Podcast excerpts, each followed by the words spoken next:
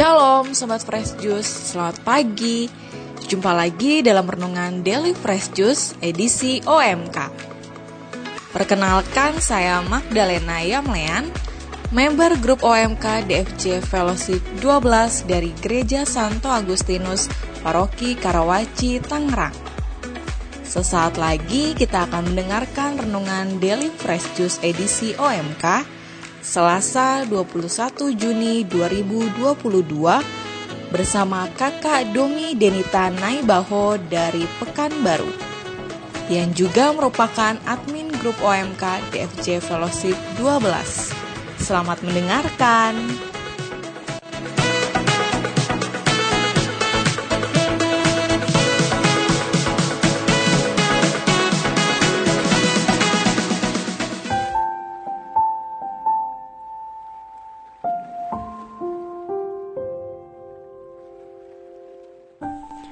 Selamat pagi sahabat Fresh Juice, Om dan Tante, khususnya teman-teman orang muda yang terkasih.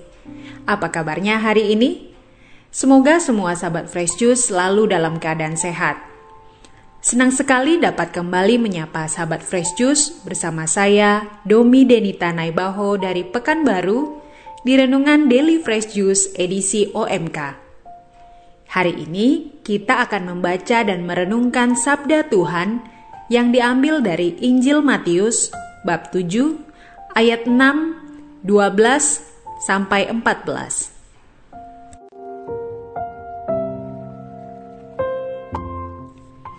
Inilah Injil suci menurut Matius. Dimuliakanlah Tuhan. Dalam khotbah di bukit, Yesus berkata, "Janganlah kamu memberikan barang yang kudus kepada anjing dan janganlah kamu melemparkan mutiaramu kepada babi, supaya jangan diinjak-injak dengan kakinya. Lalu babi itu berbalik mengoyak kamu. Segala sesuatu yang kamu kehendaki diperbuat orang kepadamu, perbuatlah demikian juga kepada mereka.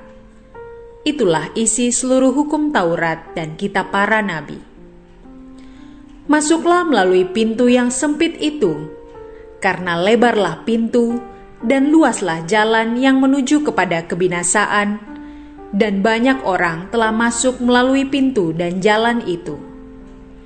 Tetapi sempitlah pintu, dan sesaklah jalan yang menuju kehidupan, dan sedikitlah orang yang menemukannya.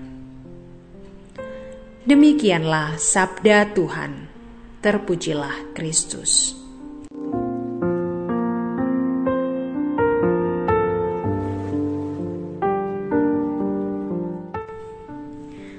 Saat tahu mendapatkan renungan dengan bacaan Injil ini, saya teringat sebuah lagu rohani anak-anak saat saya kecil dulu.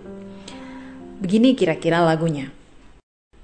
Di dalam dunia ada dua jalan, lebar dan sempit. Mana kau pilih? Yang lebar api, jiwamu mati. Tapi yang sempit, Tuhan berkati. Ya, pada bacaan Injil hari ini, Yesus menyebutkan ada dua jalan yang tersedia. Pintu yang sempit dengan jalan yang sesak, dan pintu yang lebar dengan jalan yang luas. Pintu yang sempit dengan jalan yang sesak itu menuju kehidupan, dan pintu yang lebar dengan jalan yang luas itu menuju kebinasaan. Dan Yesus meminta kita untuk memilih pintu yang sempit dan jalan yang sesak itu. Masuklah melalui pintu yang sempit itu, kata Yesus. Karena Yesus pastilah mau kalau kita semua anak-anaknya pada akhirnya akan bersama dengannya dalam kehidupan yang kekal.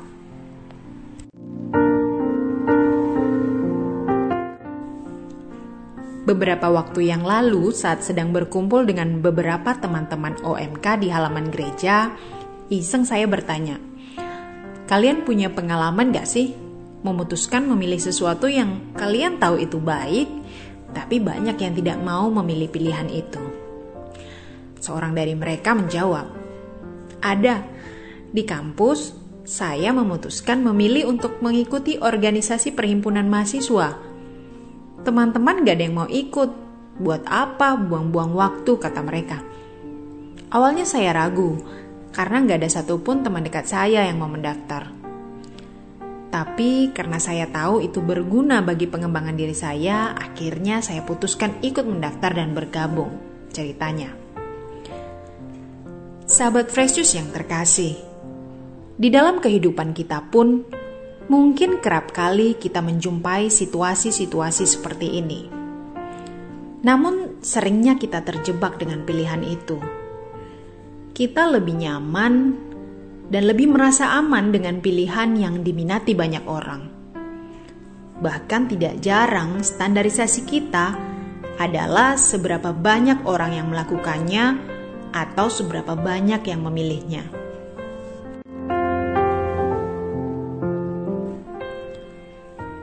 Pintu yang lebar dan jalan yang luas yang disebutkan Yesus pada bacaan Injil hari ini adalah pilihan yang pastilah populer banyak orang yang masuk melaluinya, kata Yesus. Mengapa populer? Karena jalan itu tidak terikat oleh peraturan Allah. Asal senang, lakukan saja. Jalan yang nyaman dan tidak membuat repot. Lalu pintu yang sempit dan jalan yang sesak itu adalah jalan yang sepi, karena tidak banyak yang melaluinya. Jika kita melewatinya, bisa saja tidak ada orang lain yang memilih berjalan bersama. Bahkan memilih saja sudah ditertawakan, apalagi melewatinya. Belum lagi jika dikatakan sok baik, sok suci. Jalan ini adalah jalan yang butuh pengorbanan, penyangkalan diri, dan ada salib yang kita pikul jika kita memilihnya. Lalu, mana yang akan kita pilih?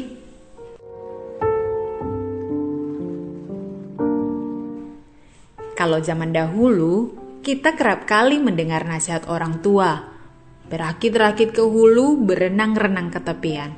Bersakit dahulu, bersenang kemudian.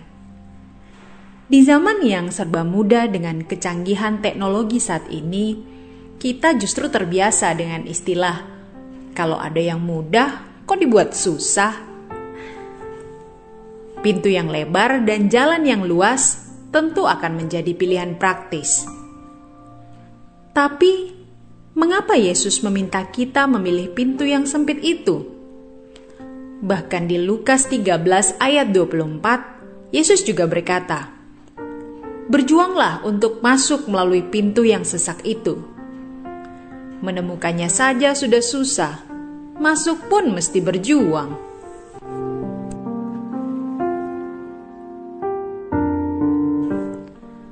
Sesungguhnya ajaran Yesus bukanlah ajaran yang menyulitkan pengikutnya. Memang di mata dunia, terkadang kehidupan Kristiani terlihat sebagai sebuah beban. Tetap percaya ketika segala sesuatu dalam hidup tidak beres, bahkan berantakan.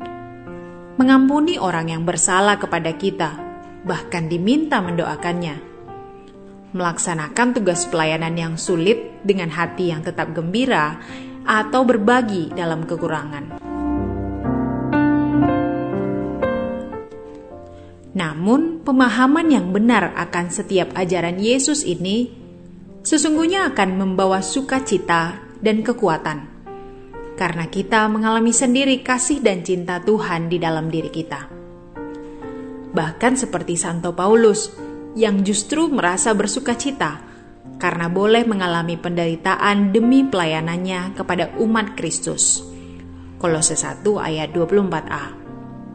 Semoga kita pun dimampukan untuk memiliki pemahaman ini.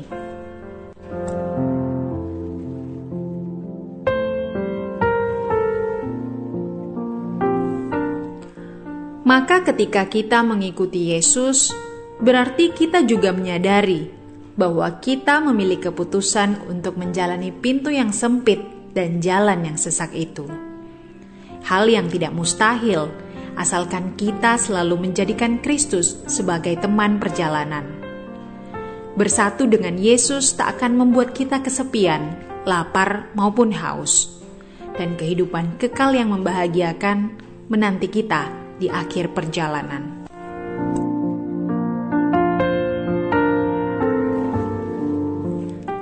Sahabat Fresh Juice yang terkasih, pintu sempit ini jugalah yang dipilih oleh Santo Aloysius Gonzaga yang kita peringati hari ini.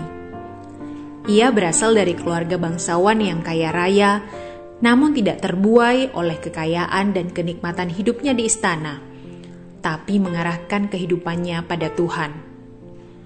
Bahkan sejak umur 10 tahun, Santo Aloysius sudah berikrar untuk hidup selibat dan kemudian memilih untuk menjadi biarawan walaupun ditentang oleh orang tuanya. Karena kesalehannya menjalani masa mudanya, Santo Aloysius Gonzaga dijadikan teladan dan pelindung kaum muda.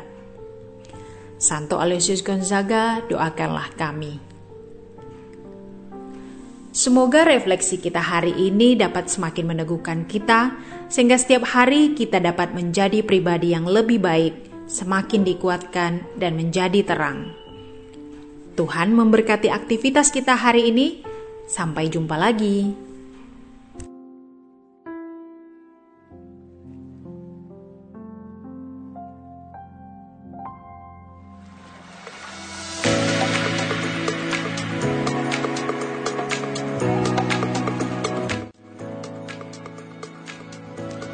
Demikianlah renungan Daily Fresh Juice edisi OMK hari ini. Bersatu dengan Tuhan Yesus tak akan membuat kita kesepian, lapar maupun haus. Sampai jumpa dalam renungan Daily Fresh Juice edisi OMK selanjutnya ya. Salam Fresh Juice.